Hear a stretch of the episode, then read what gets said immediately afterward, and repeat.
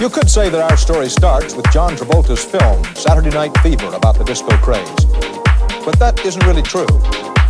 You have to go all the way back to Elvis Presley, to the Beatles, to rock and roll, and then finally comes disco. A very large, very lucrative new business of dance music. Maybe the biggest wave yet. Because it certainly seems that more and more Americans are getting more and more into the disco scene.